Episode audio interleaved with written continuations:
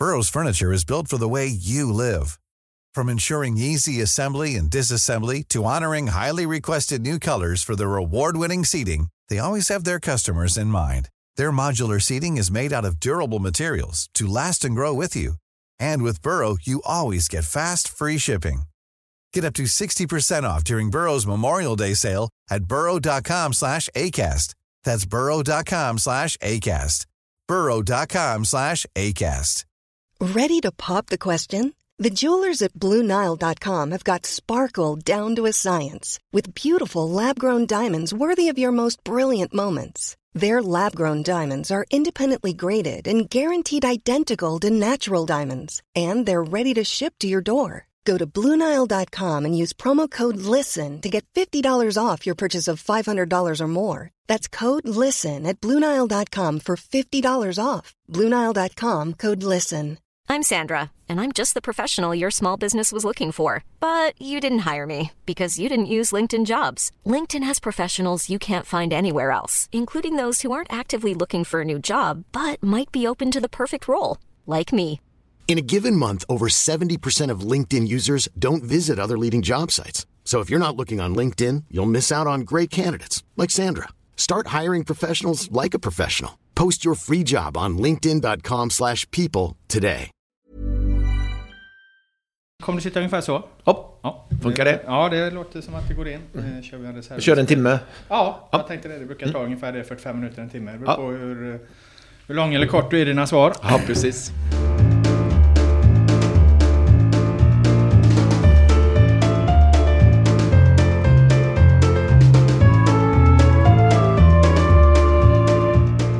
Hej och välkomna till GPs fotbollspodd som ännu så länge saknar ett namn, men där vi diskuterar Göteborgsfotbollen i allmänhet och Göteborgsfotbollen i synnerhet.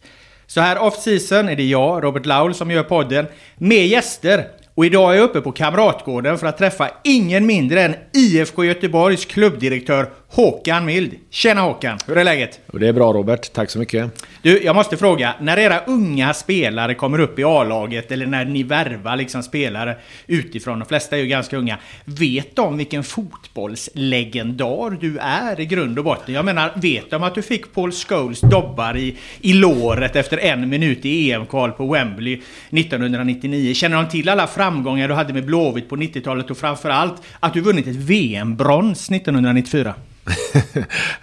Man vill ju gärna tro det, men det är nog faktiskt så att de, eh, de flesta yngre som kommer upp nu har nog absolut ingen aning. Kontrollerar du det på något Nej, sätt? det- Eller, eller hur märker du det? Att du, du, du bara är, är någon eh, gammal gubbe liksom som sköter eh, rulliansen. Men, men Typ, typ så är det nog att det är nog en, en eh, lite äldre farbror där som går runt och som är klubbchef. Eh, Men så är det nog faktiskt. använder du det någon gång då? För jag menar det är ju jävla meriter du har liksom. Eh, Spelar du aldrig ut de korten? Nej, det har jag nog faktiskt aldrig gjort om jag ska vara ärlig. Det ligger nog inte för mig. Då skulle jag nog mer skämmas om jag hade gjort det efteråt om jag skulle ta till det. Hur påminns du om din, din liksom ändå väldigt eh, framgångsrika egna fotbollskarriär på planen? Nej, men det är väl framförallt när det är någon som kommer fram lite äldre då, som, som tittade på fotboll på den tiden när jag spelade, som, som eh, kan eh, uttrycka sig då att, det- att det var kul att titta på fotboll på den tiden och etc. Så så kan det väl vara någon gång. Eh, sen är det väl inte supermycket, det kan jag inte säga. Sen i och för sig, så jag, jag håller på med fotboll hela tiden, men det är ju idag, i dagens fotboll. Eh, så det är väl mer det som folk kommer fram och pratar om. Eh, vi ska givetvis ägna den här, det här poddavsnittet åt IFK Göteborg. Säsongen som gått, säsongen som kommer, pengarna, planerna, prestationerna, publiken.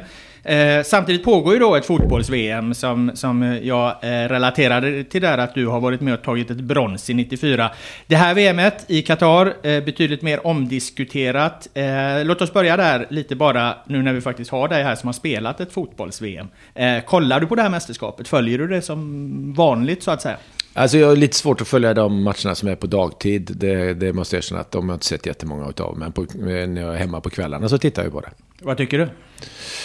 Nej, men jag tycker det är, det är väl ganska intressant. Eh, gillar ju fotboll så att det är ju de bästa spelarna som är där. Så att det, nej, men det är ju alltid kul att titta på. Mm. Hur, hur känner du inför att det går i Qatar och den debatten som har varit kring det? Ja, men det är ju en självklarhet, det borde inte gå i Qatar. Men nu när man tittar på fotbollen så kan jag inte säga att, att jag fokuserar speciellt mycket på det. Det kan jag inte säga när jag tittar på fotbollen. Det borde inte gå i Qatar, men det gör det. Och då tittar jag på fotbollen och, och eh, ser på den. Jag tänker inte speciellt mycket på att det är i Qatar. Mm. Vi fick ett litet inspel här från, från en av dina arbetskollegor att jag skulle fråga hur det går med VM-tipset för dig. Betyder det att det går väldigt bra för dig eller att det går väldigt dåligt med VM-tipset? Ja, det är nog en blandning. Det har inte gått så jättebra det sista, måste jag erkänna. Det har ju Brasilien som, som vinnare då. De är ju kvar fortfarande och spelar ganska bra. Så det finns ju en chans, men jag är nog inte ensam om att ha det tyvärr. Ja, okay. Är det hela Kamratgårdsgänget här som, ja, som har gjort ett VM-tips? Vet du vem som leder? Ja, det är Anna Lamberg, eh, marknad och ledningskoordinator. Det är uppenbarligen hon som kan fotbollen bäst där. Då undrar man hur det går för eh, chefstränare Micke Stare. Ja, han är faktiskt inte med på det tipset. Mm. Men eh, sist jag tittade så låg jag fyra. Så att det, är ett, det är ett gäng. Eh, Frida Björkroth låg tvåa och hon jobbar med evenemang. Så att vi, vi, eh, vi, vi kanske får ändra på vem som håller på med fotbollen Ni får, skifta, ni får skifta organisationsordningen ja, vi får, göra, vi får göra det. Eh, du, hur ser du för övrigt på situationen i svensk fotboll? Det ska väljas en ny ordförande i fotbollsförbundet. Det är lite allmänt rörigt just nu, om man ska uttrycka det försiktigt. Vad har du för tankar där? Nej, det ska bli intressant att följa, tycker jag. Det är alltid speciellt när man ska ha en, en, ny ordförande för Svenska fotbollsförbundet. Det är ju den största positionen du kan ha inom svensk fotboll. Så det är ju, det är ju viktigt eh, att det blir rätt. Ehm, så det kommer bli spännande att följa. Mm. Eh, Elfsborg gick nyligen ut, eh, deras klubbdirektör Stefan Andreasson sa att de backar Jens T Andersson som är en av kandidaterna som är före detta eh, ordförande för intresseorganisationen Svensk Elitfotboll. Nu är han landslagschef i förbundet. Jens T Andersson är nominerad av BK Häcken. Han anses allmänt vara lite liksom elitklubbarnas man bland de här sex som kandidaterna som finns då, där två är kvinnor. vem backar IFK Göteborg? Det har inte IF Göteborg bestämt än, eh, vem IF Göteborg kommer backa. Men det kommer väl fram eh, lite senare. Men det, än så länge så är det inget bestämt i IFK Göteborg. Hur ser den processen ut när ni tar det? Är det styrelsen som... Det är styrelsen som gör det. Mm. Mm. Vad vill du se för, för, för egenskaper? Vad vill du att ordförande ska stå för framöver? I, Nej, i, i SVFF? Nej, men ur, ur ett, naturligtvis så måste det vara någon som ser det ut ur ett internationellt perspektiv. Och även kunna se naturligtvis var fotbollsspelarna kommer från. Och det är ju från breddklubbarna från början. Så det gäller att ha en helhetssyn och det är inte, det är inte superenkelt. Jag tycker ändå att eh, Eh, Karl-Erik har gjort det ganska bra. Och de där innan med, eh, med Lagrell och med mera har gjort det, gjort det bra. Så det är bra om det kommer in någon i någorlunda samma anda. Mm. Eh, då ska vi smalna av perspektivet lite grann och fokusera mer på IFK Göteborg då. Det är ju där du, du har din eh, huvudsakliga eh, sysselsättning. Eh, andra året som klubbdirektör och en ny åttonde plats. Är du nöjd? Nej, vi är inte nöjda med åttondeplatsen. Sen finns det en massa andra saker som vi är jättenöjda med i IFK Göteborg. Bland annat publik, eh, akademin. Vårt damlag har gjort det fantastiskt. Eh, A-laget har varit lite stabilare, men vi hade gärna sett att vi kom högre upp i tabellen. Mm. Eh, jag intervjuade Werner Hahn, eran före detta målvakt nyligen. Han pekade på att han hade gått och väntat på ett besked om det skulle bli en kontraktsförlängning under sommaren. Rätt vad det är hade ni värvat Pontus Dahlberg. Hur känns det att det blev ett av hans liksom, stora intryck från året i Blåvitt? Den intervjun har blivit väldigt omdiskuterad. Ja, jag kan inte svara för vad, vad Warner tycker och hur han känner naturligtvis. Men det är väl ganska logiskt eh, att eh, om vi värvar in en annan målvakt att det kanske inte var det som han önskade. Mm. Men att han inte fick svar, som han upplevde det? Ja, så kanske inte vi tycker riktigt, men... men eh, Vadå, var det inte så? Nej, alltså det pågår ju alltid en, en diskussion och, eh, när det gäller kontrakt etc. Så att, nej, det fanns en dialog där. Så att, eh, det tycker jag inte att det var, någon, eh, att, att, det var på det sättet. Nej, okay. Varför eh, gick ni på Dahlberg istället för Han? Ja, det är ju två jättebra målvakter. Eh, vi hade ett längre, fick ett längre kontrakt med, med Pontus Dahlberg och det är ju alltid ett val med spelare och i det här fallet så har vi Adam som är en mycket bra målvakt också som spelar i Islands u landslag Ska du välja? Så gjorde vi det valet. Så det var längd snarare än ekonomi där handlade om? Ja, det var väldigt lite ekonomi. Eh, Warner Hahn var inne på att om man ska bli bättre, en klubb ska bli bättre, sikta högre då än åttondeplatsen till exempel, så måste man hantera sina bästa spelare på ett annat sätt. Att han menar liksom att det går inte att Eh, skicka iväg Tobias Sana under säsong, sälja Kevin Jakob och Alexander Jallov under säsong, göra sig halvt ovän med Hossam Aiesh och sin första målvakt. Är det liksom ett, ett, ett strukturellt problem inom Blåvitt eller varför sammanfaller allt det här under ett par månader den här säsongen?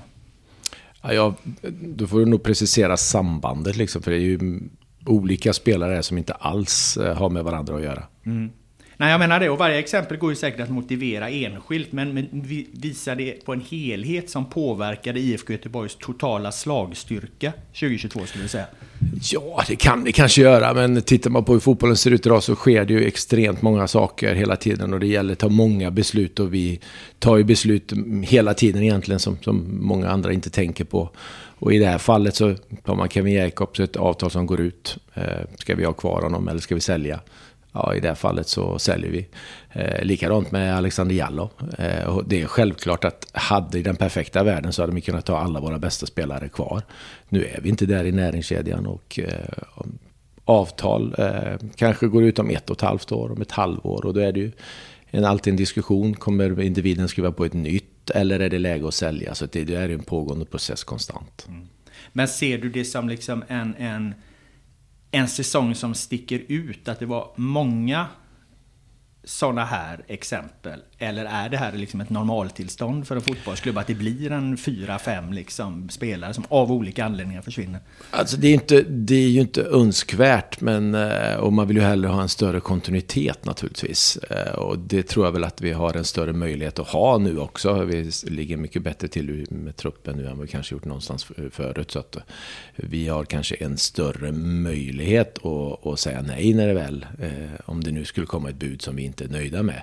Samtidigt så, så håller vi på att utveckla spelare och det är många spelares dröm att spela någon annanstans. Och jag tror att eh, naturligtvis ska vi ha skäligt betalt för den spelaren som, som går. Men att stoppa spelare eh, som har en annan önskan, en annan vilja. Eh, nah, då tror jag vi är ganska snett ute. Då behöver vi nog... Eh, då behöver vi dels bli lite bättre naturligtvis. Men också liksom Ja, alltså, det är en, en, en del eh, av det. Jag kan bara gå till mig själv. Jag har varit ute tre gånger. Och är det så att man, man eh, är det en klubb som kommer och man som sagt man kommer överens så tror jag att eh, vi tjänar på det i längden och, och göra någonting tillsammans med spelaren och klubben. Och förhoppningsvis så har man en, en så pass god relation så att man kan ha ett vidare samarbete framöver. Så jag tycker inte det är något speciellt konstigt.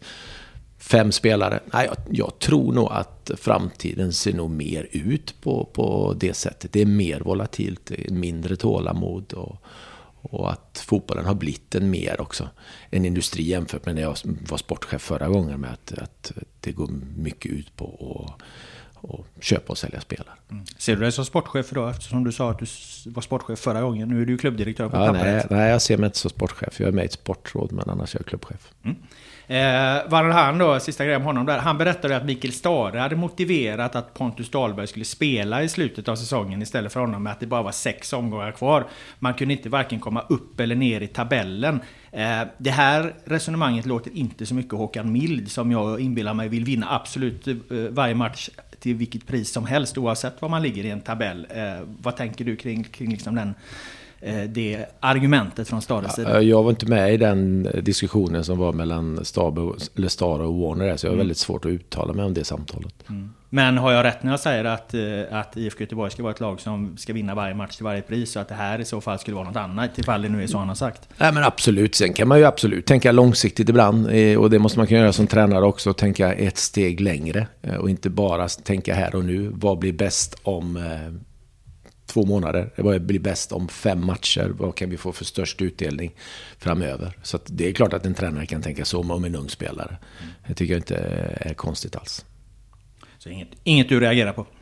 Nej, inte, inte om det är så i, i det läget och, och absolut inte. Om jag minns rätt så tror jag inte att Dahlberg spelar de sex sista matcherna. Han blir sjuk sen mitt i och då kommer mm. ju han tillbaka mm. och så.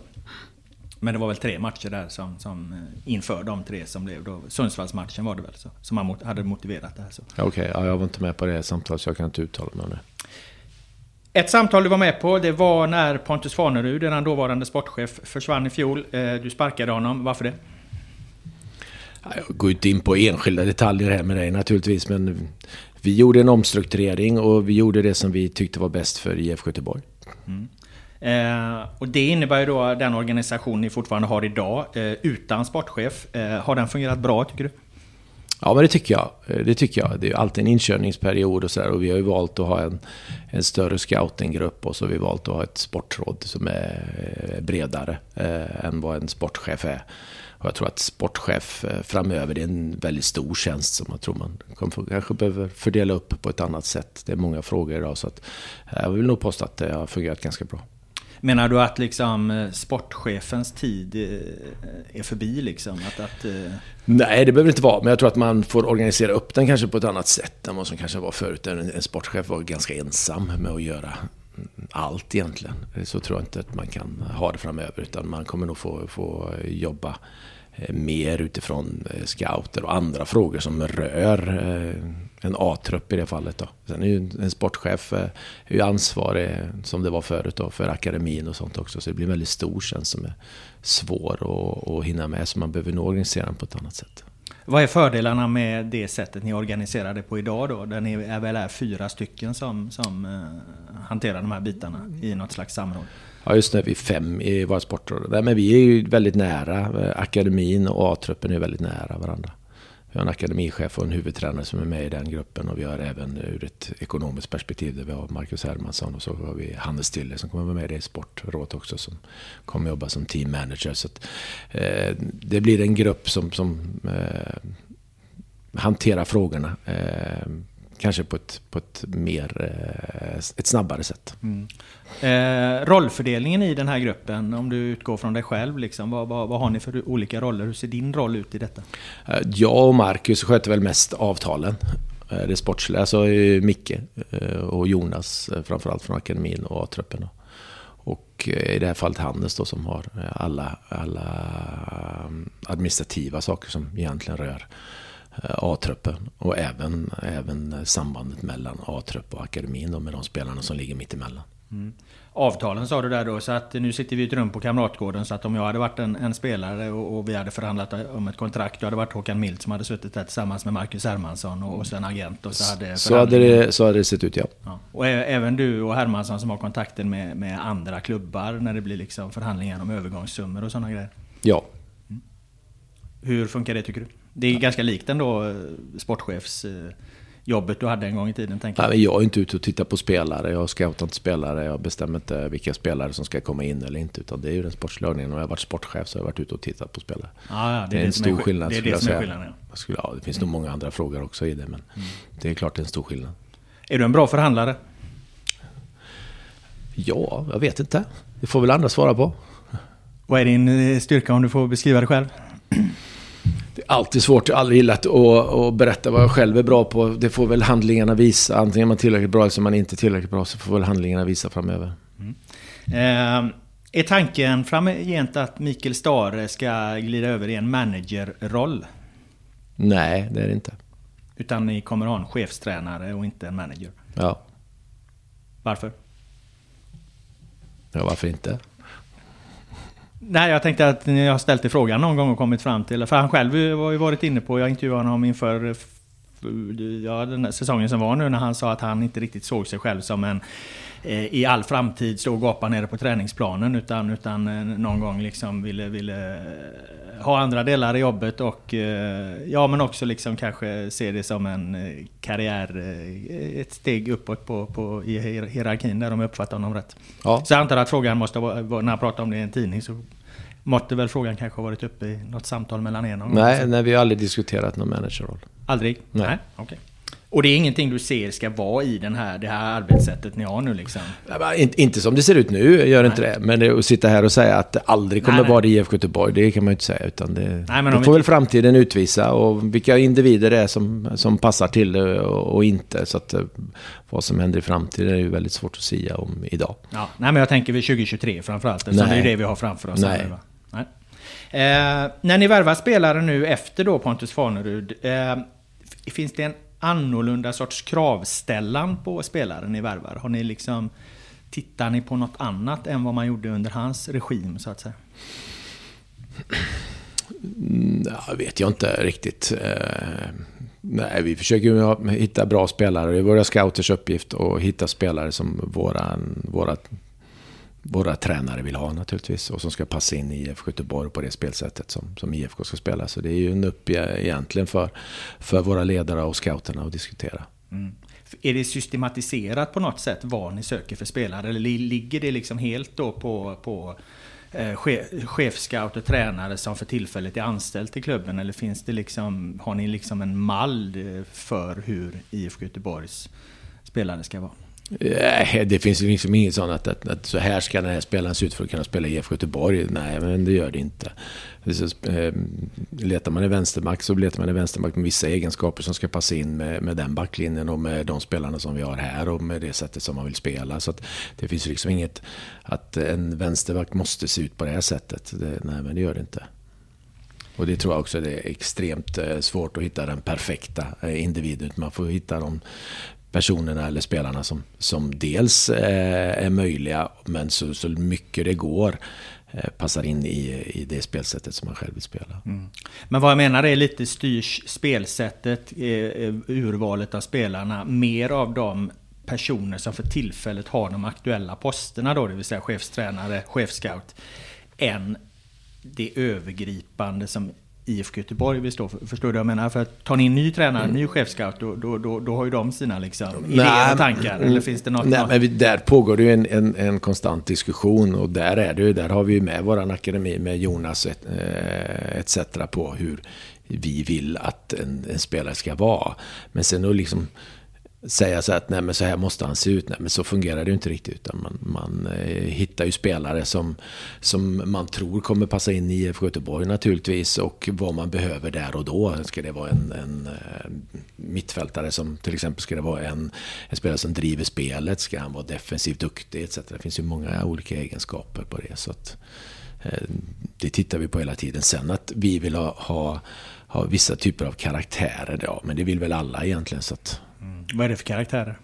Nej, men vi vill ju, tror jag som alla vill ha, en bra karaktär som tycker om att och tränar, som eh, driver sig själva, som är lagspelare, som eh, eh, sätter klubben i, i, kanske inte alltid i, i första hand naturligtvis, men så ofta som det bara går. Så att, den typen som är, eh, är lojal mot, mot laget, men som vill vara individuellt skicklig, alltså, det vill väl alla ha.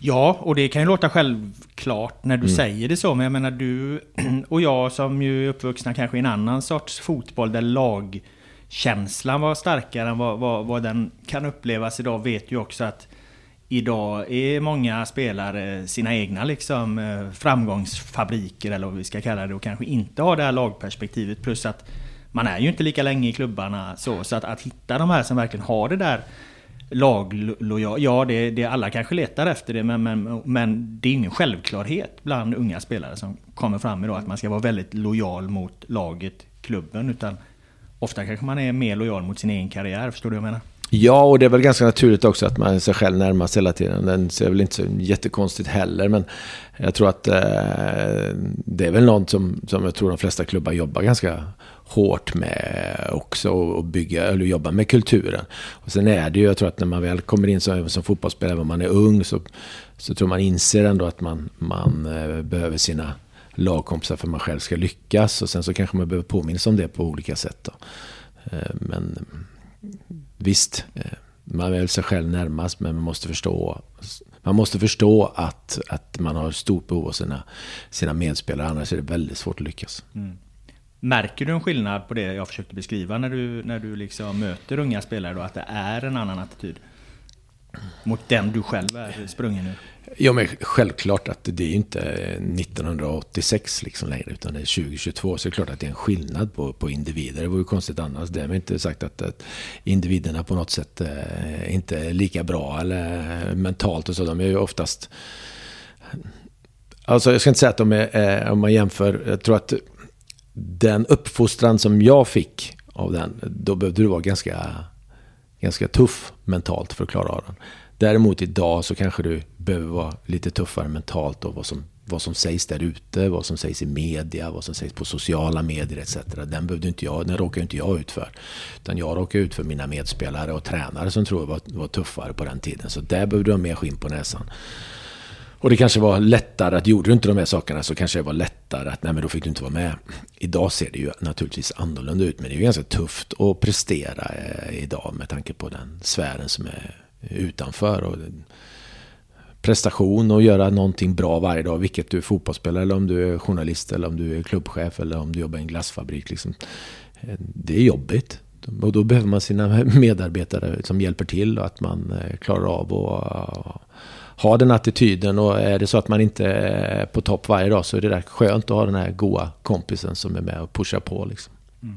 Är det verkligen lika tufft att vara eh, elitfotbollsspelare som att jobba i glassfabrik?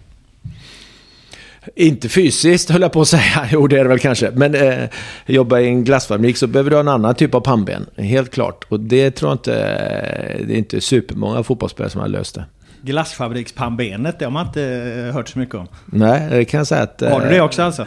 För du jobbar ju ja, men med en glassfabrik. Ja, alltså, absolut. Det har jag också gjort. Och, nej, men då ska du jobba i en frys och eh, hålla på med glass, nej, men då behöver du ha pannben. Det är inte så många fotbollsspelare som har klarat av, det kan jag säga. Det är kallt och jävligt där, eller? Det är det.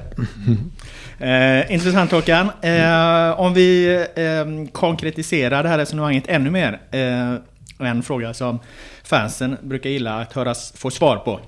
Vilka positioner är prioriterade att förstärka på i IFK Göteborg inför 2023?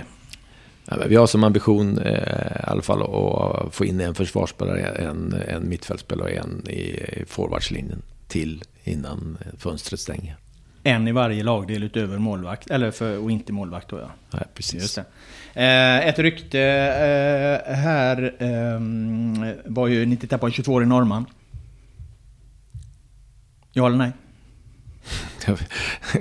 vi tittar på många spelare Robert. ni ska ha lagt ett bud på 5 miljoner. Vet du om jag pratar om? Nej. Inte? Nej. Nej, då har vi väl tidningsuppgifter som inte stämde helt enkelt. Nej, det kan, det, jag vet inte vem du pratar om. Det kan ju vara, det kan vara fler. Ni har lagt många femmiljonersbud? Nej, det kanske vi inte har gjort. Ja, ni har lagt ett? Nej, inte på fem miljoner. Nej, okej. Okay. Hur mycket var det på då?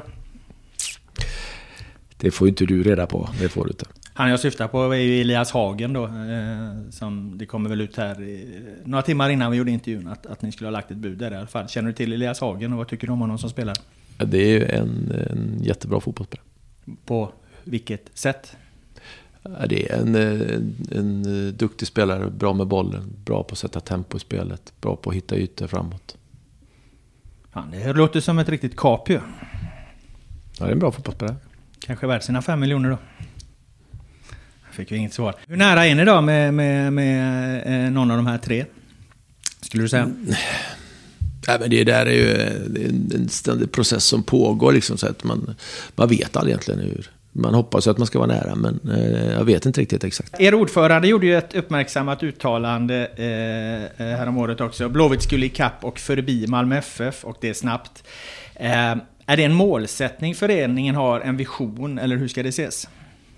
Nej, det är nog ett uttalande som Rickard får, får, svara på. Jag gillar ju att han är en visionär och vill framåt. För det, det, sätter, det sätter press på organisationen också hela tiden förbättras. Så att, jag eh, tycker mer att det är en, ett, eh, ett härligt uttalande, men det är ingen vision IFK Göteborg har. Eh, vad har ni för målsättning? Inför 2023? Ja, eller om ni har en som sträcker sig ännu längre? Nej, vi håller på nu med, med en verksamhetsplan som, som sträcker sig till 2023. Och eh, vi måste ju bygga en ny verksamhetsplan och sätta en ny den. Och det är någonting, ett arbete som pågår just nu. Just det. Ni har en som en verksamhetsplan som sträcker sig över 2023? Men ja. arbetar alltså med en ny som ska ja, sträcka sig till... börjar med en ny, en ny verksamhetsplan. Som ska då sträcka sig 2024 till 2026 ungefär? Typ. Eller? Typ där. Mm. Vad, hur har ni, långt har ni kommit i arbetet med den? Och vem är det som leder det? Vi har inte kommit jättelångt med det. Det är ledningsgruppen som, som eh, driver det arbetet. Men det är hela organisationen som är med i det jobbet med att sätta en verksamhetsplan. Det är, en, det är ett jobb som alla eh, måste vara delaktiga i. Mm. Normalt sett historiskt har IFK Göteborg alltid kunnat ha en, en målsättning, en vision någonstans att vara med i toppen. Eh, tittar man på senaste fem säsongerna, eller om det är sex till och med, så har ni inte varit det. Förändras eran framtida målsättning, vision av närliggande resultat? Måste ni sänka ribban utifrån hur svensk fotboll, eller hur allsvenskan har förändrats? Med tanke på att det finns en fyra, fem klubbar som är ganska långt framför er ekonomiskt. Ja, men det är ju en jäkla utmaning naturligtvis om man inte, om man inte ligger på samma nivå. Men jag tycker, det eh, jag tycker vi ska ha en hög ambitionsnivå. Det bygger också eh, att vår verksamhet måste hela tiden vara topp och gör hela, hela, hela tiden gör sitt bästa och ligga på SM-guldsnivå i vad vi än gör, vilket är fotboll eller om det är marknad eller om kommunikation eller om det är med partner. Och eh, jag tycker vi ska ha den ambitionen. Sen eh, är det inte alltid man lyckas, men eh, ambitionen måste alltid vara där. Kan en, en, en, en, en ambition som inte är riktigt i linje vad som är möjligt att göra utifrån det ekonomin styr över bli betungande så att, det blir, så att den höga ambitionen får negativ effekt istället. Förstår du vad jag tänker? Jag förstår hur du tänker, men jag, jag, på något sätt så förstår jag det ännu inte. För om man håller på med det här, det blir eh, en resultatbaserad värld och där det handlar om att tävla. Så självklart måste man ju sätta höga mål och höga ambitioner. Det behöver inte betyda att man alltid når dem. Men man, eh, i alla fall jag vill, jag vill ju vara där och jag vill ju att alla våra spelare och ledare ska tänka på det sättet. Och jag vill att alla som jobbar här ska tänka på det sättet. Att titta, dit upp vill vi. Mm. Och det är självklart att det är, för ibland är det ju svårare. Mm. Men du måste ändå drömma om det någonstans. Jag ville spela till Liverpool hela min, min karriär, men jag var aldrig så bra så att jag kunde spela där. Men det betyder ju inte att jag inte ville och kriga för det varje dag och tränade stenhårt för det. Sen är det inte alltid du når det, men jag tycker att du ska sikta, sikta högt. Och IFK Göteborg har, har varit där förut, så varför skulle inte vi kunna klara av att vara där igen? Det kommer ju inte vara lätt. Det kommer inte ske bara sådär, utan det kommer vara ett stenhårt jobb och vi behöver vara innovativa, vi behöver tänka nytt. Och det tycker jag också att vi, vi försöker att göra. Så att jag, är, jag är superpositiv till vår organisation som tar steg varje dag. Nu kom vi åtta med vårt lag, men eh, vi hade... Jag tror att vi hade mellan 30 och 35 eh, på vår flick och pojksida som, som var med på någon typ av landslagsuppdrag.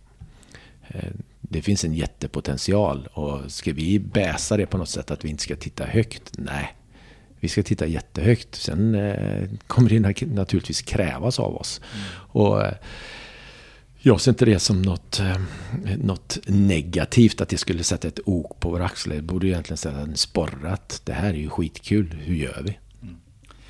När jag ser på det utifrån då, eh, ska se om, om vi kan eh, förena vår syn här på något sätt. Då, då kan jag ju se liksom att Malmö är långt före. Jag kan säga att Stockholmslagen är långt före. Jag kan säga att Häcken just nu har en, en väldigt stark trupp för de får i princip behålla den som vann eh, förra året. Och de gör också mycket, mycket rätt i andra Göteborgslaget här.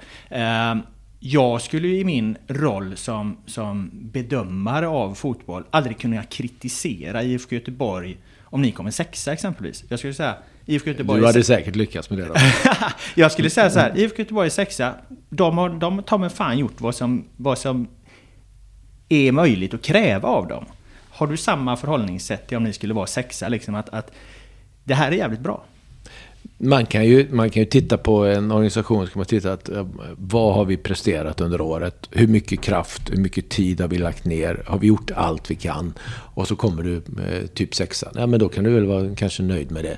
Men det är ju inte ambitionsnivån. Vi vill ju mycket mer. Mm. Absolut. Och där är ju, alltså ja, naturligtvis måste du benchmarka och titta på vad gör andra etc. Och vad kan vi göra bättre? Det finns ju många som är, är duktiga naturligtvis som man får ta, kan ta efter och kopiera på sitt sätt i, ibland då för att man ska bli bättre. Men ambitionsnivån måste ju vara där uppe. Annars är det ju skittråkigt. Då ska man inte hålla på med det här. Kopiera andra sa du. Finns det något ni kan lära av Häcken som vann guld? Det finns det säkert. Vadå?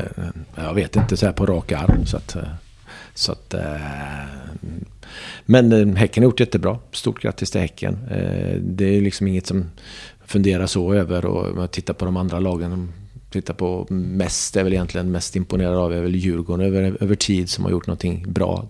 Haft kontinuitet både på ledning och tränare och, och även spelarmässigt någorlunda eh, har sålt spelare i princip hela tiden och ändå kunnat ta in nya och varit, eh, legat i framkant. Så att är det någon klubb som jag tycker har gjort det riktigt, riktigt bra de senaste åren då, så är det ju Djurgården. Och där finns det ju som sagt en kontinuitet och förhoppningsvis så kan vi också ha det. Mm. Eh, det är intressant det du säger för att det känns som att eh, man kan tycka vad man vill om vilken riktning en förening väljer. Men det känns som att den styrningen ni har här nu så är ni ett gäng människor som eh, drar åt samma håll. Ni ser saker på, på liksom, eh, i alla fall inte, eh, det krockar liksom inte. Är det en riktig iakttagelse? Och är det det du menar med kontinuitet? Att det på sikt kan, kan liksom eh, få er att ta kliv? Ja, men det tror jag. Man behöver absolut inte tycka lika, men jag tror att man behöver ha en, en viss samsyn av respekt och vilken typ av eh, kultur man ska ha. Och, eh, vilken väg man, man eh, på något sätt, eh, vilken riktning man går emot, så behöver man ändå ha någon typ av samsyn och respekt för varandra. Att nej men det här, är, det här är nog riktigt. Sen så behöver man inte tycka lika i alla sakfrågor långt ifrån. Utan det är ju otroligt viktigt för dynamiker att man vågar ställa de här frågorna till varandra. Av goda avsikter. Inte för eh, någonting annat. För att få, för att få en, en diskussion som håller höjd. Då.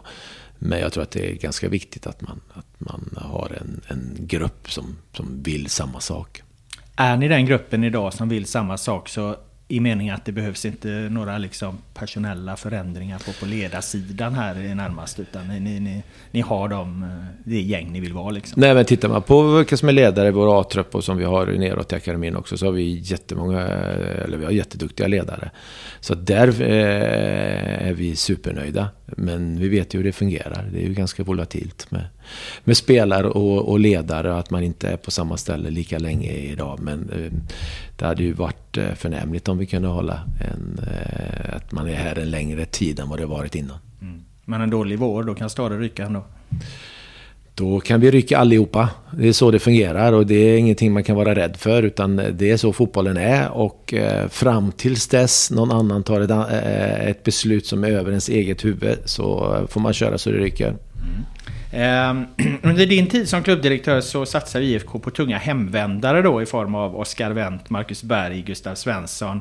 Jag förstod det som att de skulle leverera framgång snabbt här och nu. Ehm, nu, idag där vi befinner oss, så spelar ju alla mer eller mindre på lånad tid. De har inte så lång tid kvar på sina eh, karriärer. Eh, ser du med facit i hand den satsningen som ett misslyckande? Eller har det motsvarat förväntningarna? Har ni liksom fått valuta för de satsade kronorna? Jag kan nog inte påstå att det är jag som ligger bakom dem. Men hade jag, hade jag haft möjlighet att ligga bakom dem så hade jag också gjort dem. Eh, förvärven, absolut. Nej, men vi hade, eh, som jag sa innan så hade vi gärna sett att vi kom högre än en, en åttonde plats. Eh, sen så eh, de du nämner där har, eh, har gjort bra prestationer också. Och hur ser du på om det har varit misslyckande eller om ni har fått valuta för de satsade kronorna? Vad landar du där? Du, eh, de spelarna som, som är där eh, har definitivt tänkt lika mycket på IFK som på sig själva. Mm. Vi berörde kort lite det här med målsättningar och så innan. Jag tänkte att vi ska bryta ner det också. För att alla organisationer har ju mål. Du är inne på att ni ska göra en ny verksamhetsplan här. Ehm, alla framgångsrika organisationer skulle jag säga har mätbara mål med kontrollstationer. Ett, ett, liksom ett bildligt exempel skulle ju vara om GP har som mål att gå om Aftonbladet. Ehm, då måste vi ju till att börja med gå om DN och, och, och Expressen. Alltså, förstår du? Att ta steg mm. på steg. Mm. Om man ska öka omsättningen med 100 miljoner så måste man börja med att öka den med 10 miljoner. Mm. Eh, har ni idag en, en sån plan med mål, mätbara mål och kontrollstationer? Eller är det det som är den nya verksamhetsplanen? Vi mäter allt hos oss. Mm. Vi mäter allt. Vi mäter allt med, som har med partner, som har med publik, som har med merchandise. Eh, eh vi mäter, med ute sportsliga så mäter vi de prestationerna också. Så jag skulle vilja påstå att vi vi har KPI på allt. Sen så kanske vi har haft eh, till och med lite för mycket, men det tror jag definitivt är en framgångsfaktor för oss organisatoriskt att vi, att vi just gör det. Mm. Och vi har lyckats otroligt bra i år med de flesta sakerna. Eh, vad lägger du där i när du säger att ni har lyckats otroligt bra med de flesta sakerna? Nej, men vi har, vi har lyckats bra ur ett partnerperspektiv. Vi har lyckats bra ur ett supporterperspektiv, eh, publikperspektiv. Så att eh, det har varit jättebra. Vi är bra på vår shop. Vi är bra på eh, akademin. Vi är bra på damlag. Så att eh, vi är bra på e-sport. Vi är bra på hållbarhet. Vi är bra på otroligt många saker. Men vi mäts ju hela tiden utifrån ett, ett A-lag som definitivt är loket. Så det är inget konstigt i det. Och där kommer vi åtta. Där har vi gärna kommit eh, på en bättre bättre placering. Vi är stabilare 2022 eh, än vad 2021 när det gäller vårt A-lag. Och förhoppningsvis så kan vi ta ytterligare steg nästa år när vi har en, en trupp som är mer satt nu också. Att Få jobba, jobba eh, lite längre tid tillsammans. Och nu har man haft ytterligare ett år på många av de här spelarna. Så förhoppningsvis så ska det generera det också. Men ur eh, de flesta perspektiven så har IFK Göteborg varit jättebra i år. Mm. Eh, ni gör ett plusresultat eh, på lite drygt 10 miljoner enligt en eh, tidig prognos. Eh, är det korrekt? Och vad tänker du kring det? Jag har svårt att säga exakt vad det blir, men det kanske kan vara någonstans där. Mm. Vad, vad tänker du om siffran? Ja, det tycker jag, jag tycker det är bra. Eh, 2021 så, så var vi tvungna att sälja spelare för att få det att fungera. Eh, 2022 så i, i vår budget så har vi inga spelarförsäljningar med. Eh, och vi gör det bra. Och när du, när du säljer spelare så gör du också investeringar. Och de investeringarna kanske du inte har gjort om du inte hade sålt spelarna naturligtvis. Så att jag vill påstå att vi är så gott som nära i år på att klara driften på ett jättebra sätt. Sen om, om man ska kriga om de ädlaste valörer, valörerna så måste man våga ta, eh, ta risker. Eh, men det får aldrig vara så, så att man riskerar eh, att, att klubben skulle må så dåligt så att man riskerar den på något sätt. Mm. Eh, utveckla lite där kring, du sa ni hade budgeterade med spelarförsäljningar 2021 för att få ihop ekonomin. 2022 så la ni inga spelarförsäljningar. Eh, i budget utan ni, ni räknade med att gå runt ändå. Men ni gjorde ändå ett par eh, spelarförsäljningar där under sommaren som vi nämnde tidigare. Ja. Är det de som ligger till grund för, för plusresultatet eller kunde ni använda de pengarna som kom där genom att investera i nya spelare? Ja men så, är, men, men, så är det ju. Eh, och det vill man ju göra. Vi har gjort investeringar. Förra året köpte vi tillbaka Kamratgården som jag tror var en, en otroligt viktig del för dels för vår självkänsla och att Kamratgården är, är i IFK Göteborgs ägo. Och så vill man ju att det ska vara att man antingen så att man når så pass bra sportsliga resultat eh, eller att man är duktig på att sälja spelare. Det måste vi alltid vara. Vi ligger där i näringskedjan. Eh, så att vi kan återinvestera och bygga fotbollsklubb ännu mer. Så att, eh, och det har vi lyckats med förra året och vi lyckas även med det i år för att göra IFK Göteborg ännu starkare. Mm. Eh, kamratgården där eh, måste ju dra en parallell till det liksom dagsaktuella ekonomiska läget med stigande räntor och så. För ni, ni tog ju en ganska stor Eh, låneinvestering när ni köpte tillbaka där i drygt 30 miljoner om jag, om jag minns rätt här på rak arm. Har ni, eh, får ni en ekonomisk smäll när räntan stiger som ni gör just nu? Nej, det ser vi inte just nu. För att ni har bundna lån eller? Ja, så kan det ju vara. Hur länge band ni dem? Nej, jag, har inte, jag har faktiskt inte helt eh, hundra koll på dem. Det får, då får jag ta med Marcus Hermansson, vår ekonomichef, exakt hur det ser ut. Okej, okay, men det har inte stuckit upp kostnaderna på ett lån, tunga lån? Nej, i alla fall. det har det inte gjort. Nej, gratulerar då. Eh, Tack. Det är många som sitter med villor och bostadsrätt som så inte är kan det. säga samma sak. Man får, man får eh, prioritera sina intäkter och kostnader. Eh, så är det. Ehm, det finns ju fem viktiga intäktsben inom eh, allsvensk fotboll skulle man säga. Vi har publikintäkter, vi har sponsring, vi har de centrala avtalen som alltså är tv-pengar och eh, spelpengar som kommer, kommer till hela allsvenskan, man fördelas på klubbarna. Vi har spelarsälj och vi har Europaspel. Europa får ni ju inget från i år eftersom ni inte har varit med. med där. Vad av de andra benen ser du har ökat i, i det här vinstresultatet ni gör? Framförallt. Vilka ben det är som har ökat för oss, ja. det är ju naturligtvis publikintäkter. Mm. Och vi har även ökat våra partnerintäkter. Så det är ju de, framförallt de två som har ökat. Och sen så har vi ju sålt spelare i, även i år också som gör att, att ekonomin ser förhållandevis god ut. Då. Mm. Men, men störst eh, påverkan, alltså för att, att ett, ett driftsresultat ska se bra ut så är det ju eh, våra publikintäkter i år. Som varit eh, fantastiska. De har gjort ett otroligt bra jobb här eh, på marknadsavdelningen i IFK Göteborg. Samtidigt som vi har haft bra med kommunikation och också jobbat tillsammans med våra supportrar och försökt att, göra dem så delaktiga som, möjligt också, våra partners. Så att det är ett gemensamt arbete som har bärt frukt.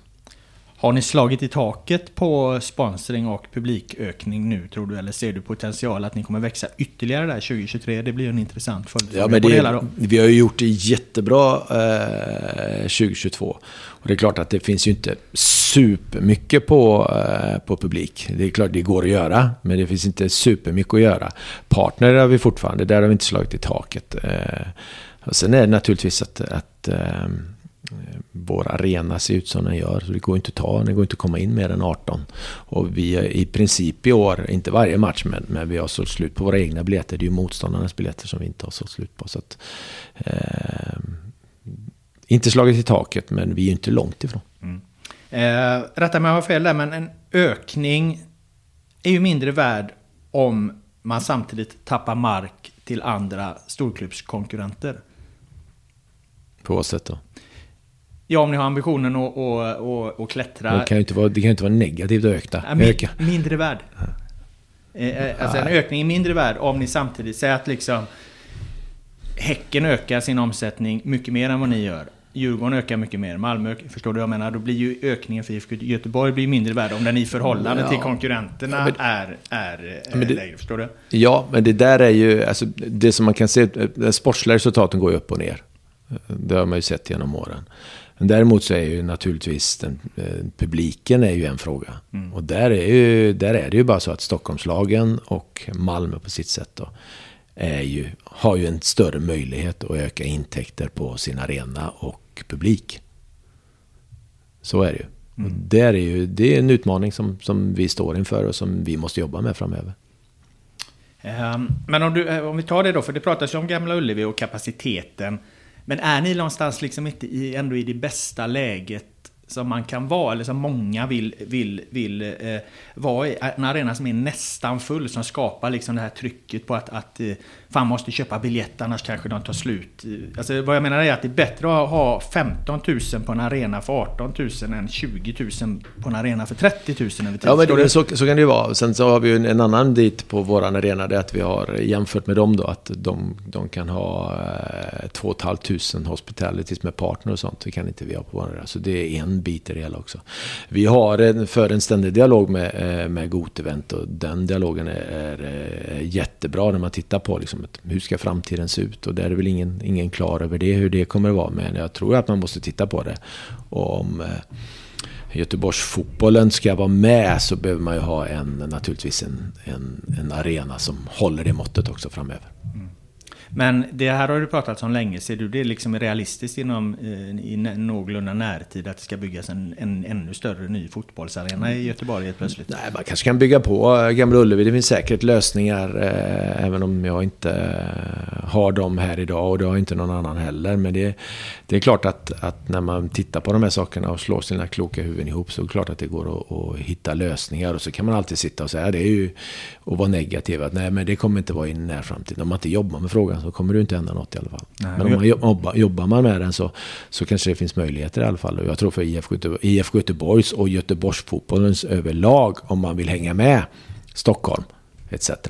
Så behöver man eh, absolut göra något åt det. Mm. Hur jobbar ni med frågan? Nej, men jag tror att vi måste kunna påverka, eh, påverka eh, politiken, jobba tillsammans med, med Gotevent i den här frågan. Och som jag sa så har vi en, en, en jättebra dialog där så att gemensamt eh, kunna hitta lösningar hur det ska se ut i framtiden. De finns inte idag, men eh, jobbar man med frågan så finns det i alla fall en möjlighet. Mm. Um. Ekonomin berörde vi där, eh, ska, ska ställa den gentemot eran stora statskonkurrent då, eh, Häcken här, som ju vann Allsvenskan eh, 2022 och pratade om en omsättning på 250 miljoner. Det är väl ingen exakt eh, eh siffra eller summa, men där. Eh, IFK Göteborg skulle jag tippa på omsättning runt 150 miljoner eh, 2022. Att Häcken är större sportsligt och ekonomiskt, vad, vad, vad tänker du om det? Nej, jag tänker inte så mycket om det överhuvudtaget om jag ska vara ärlig. Det är en konkurrent som vi fightas mot, som vi fightas mot Stockholmsklubbarna. Så det är liksom inget speciellt utifrån det. Utan för mig är det att jag fokuserar på, på IFK Göteborg och vad vi kan göra bättre. Mm. Att Häcken får ut så pass mycket sportsligt och ekonomiskt med en så begränsad publik ändå. För de är ju, alltså om man säger att IFK Göteborg efter Stockholmsklubbarna så är ju Häcken oceaner efter Stockholmsklubbarna sett till, till, till publiken. Eh, vad tänker du om att, att de får ut så mycket sportsligt trots att de har ett publiksnitt på 5000? Ja, det, är inte, det är inte på publiken eh, Häcken gör sina pengar. Så det är på andra saker de gör sina pengar. Och det gör de ju jättebra. Så att, eh, all cred till dem. Men det är ju inte publikmässigt hur ser du på ordningsstörningarna som har varit? Eh, om vi ändå berör eh, publikfrågan här. Det har varit en hel del ordningsstörningar under eh, 2022. Illegal pyroteknik. Det kom siffror från polisen här idag att det brann 8000 bengaler i svensk fotboll och andra pyrotekniska pjäser under 2022. Eh, 22 arenavåldet har kommit tillbaka på en del matcher eh, med sammandrabbningar inne på arenan. Vad, vad har du för tankar kring det? Nej, det är aldrig bra om det är så. Samtidigt så tror jag också att eh, när vi tittar på hur, vilka betyg vi får och vad, vad människor som går på våra matcher eh, tycker.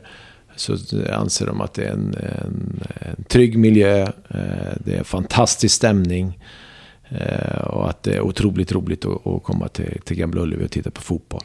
Sen så är det liksom inget att sticka under stol med att vissa, vissa saker vill man inte se på en arena. Men generellt sett så är det väldigt höga betyg för evenemanget, arrangemanget och att tryggheten är hög. Och att det ändå är illegalt. Hur ska man förhålla sig till det som kamratförening? Tycker du att det märks på era läktare att IFK Göteborg är en kamratförening? Ja, det tycker jag. Hur då? Nej, precis som jag sa, att vi har otroligt mycket, vi har otroligt mycket familjer på våra matcher. Majoriteten som går på våra matcher eh, är ju inga som, som missköter sig, utan majoriteten sköter sig. Och sen självklart så är det ju i, i vissa matcher där det händer saker som vi inte vill ska hända. Eh, så är det men, men det är ju inte... På det låter det som att det är majoriteten som, som missköter sig, så är det inte. Mm. Eh, tycker du det är viktigt att betona vad IFK Göteborg står för? Vad liksom kamratföreningen IFK Göteborg står för i det här sammanhanget? Ja, våra värderingar är absolut viktiga. Vi är en värderingsstyrd klubb, så att, absolut. Mm. Men krockar inte de med, med, med exempelvis illegal pyroteknik? Jo, det vet vi att det inte, inte ska vara och det försöker vi ju stävja hela tiden. Så det jobbar man med konstant och det jobbar ju svensk fotboll konstant med. Och ibland lyckas man bättre, ibland lyckas man mindre. Men om man tittar på eh, publiken som går på IFK Göteborg på Gamla Ullevi. Så, eh, så är majoriteten eh, skötsamma. Det är en trygg miljö att gå till och det också säger vår publik. Mm. I sista match här så gick ju er lagkapten då omkring med en flagga med ett polisfientligt budskap. Du sa att han inte förstod innebörden av det.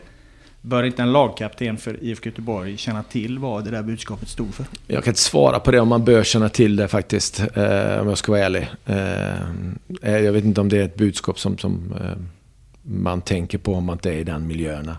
Eh, jag tror att i det här fallet, jag kan inte svara riktigt exakt hur det har gått till, men jag tror att, att det här är något, en, en flagga som Marcus Berg fick och jag tror han hade den i ungefär 5-10 sekunder max. Så det var inte schysst mot Marcus. Jag tror inte han tänkte ett, ett dugg på vad det stod på den. Och jag tror faktiskt heller inte han visste vad det betydde. Mm. Eh, varför attraherar IFK Göteborg supportrar, tror du, som vill hänga på sin lagkapten banderoll med ett polisfientligt budskap?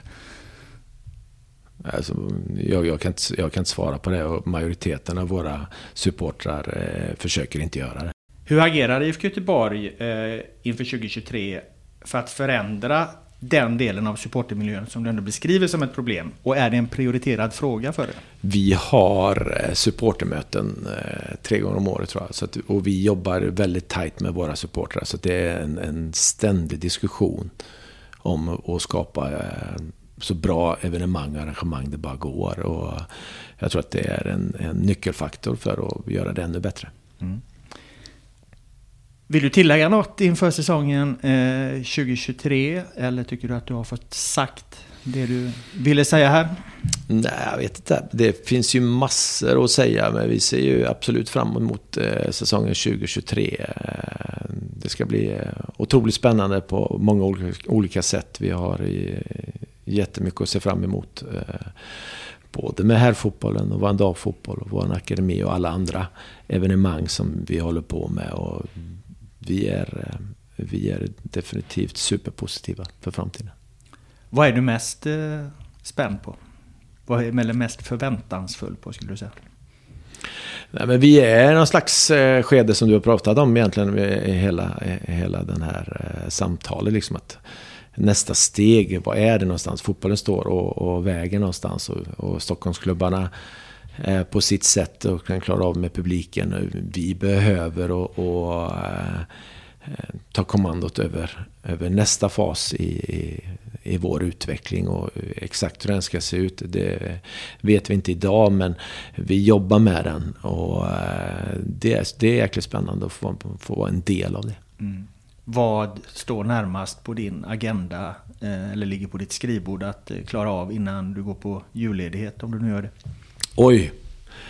Eh, nej men det finns nog en del eh, bitar och, eh, just nu som jag sa innan så, så håller vi på med, med förhandlingar och, och, det är väl det som är närmast för min del. Mm. Blir det någon julklapp till fansen? Jag vet inte. Man kan alltid hoppas. Men du vet inte om det blir det eller nej, vill det vet inte jag inte svara på? Nej, nej, jag vet inte. Så ni ligger inte så nära att det skulle nej. kunna komma ut något här innan julafton? Ja, det kanske det kan, men det, jag vet inte om det blir så. Mm. Då tackar jag dig för att du var med i, i GPs eh, fotbollspodd. Håkan Mild, så passar jag på att önska dig en, en god jul och, och, lycka till med säsongen 2023. Tack så mycket och detsamma till dig. Jag tackar alla som lyssnade på det här avsnittet och eh, GPs fotbollspodd är tillbaka nästa vecka med en ny gäst. Ha det bra!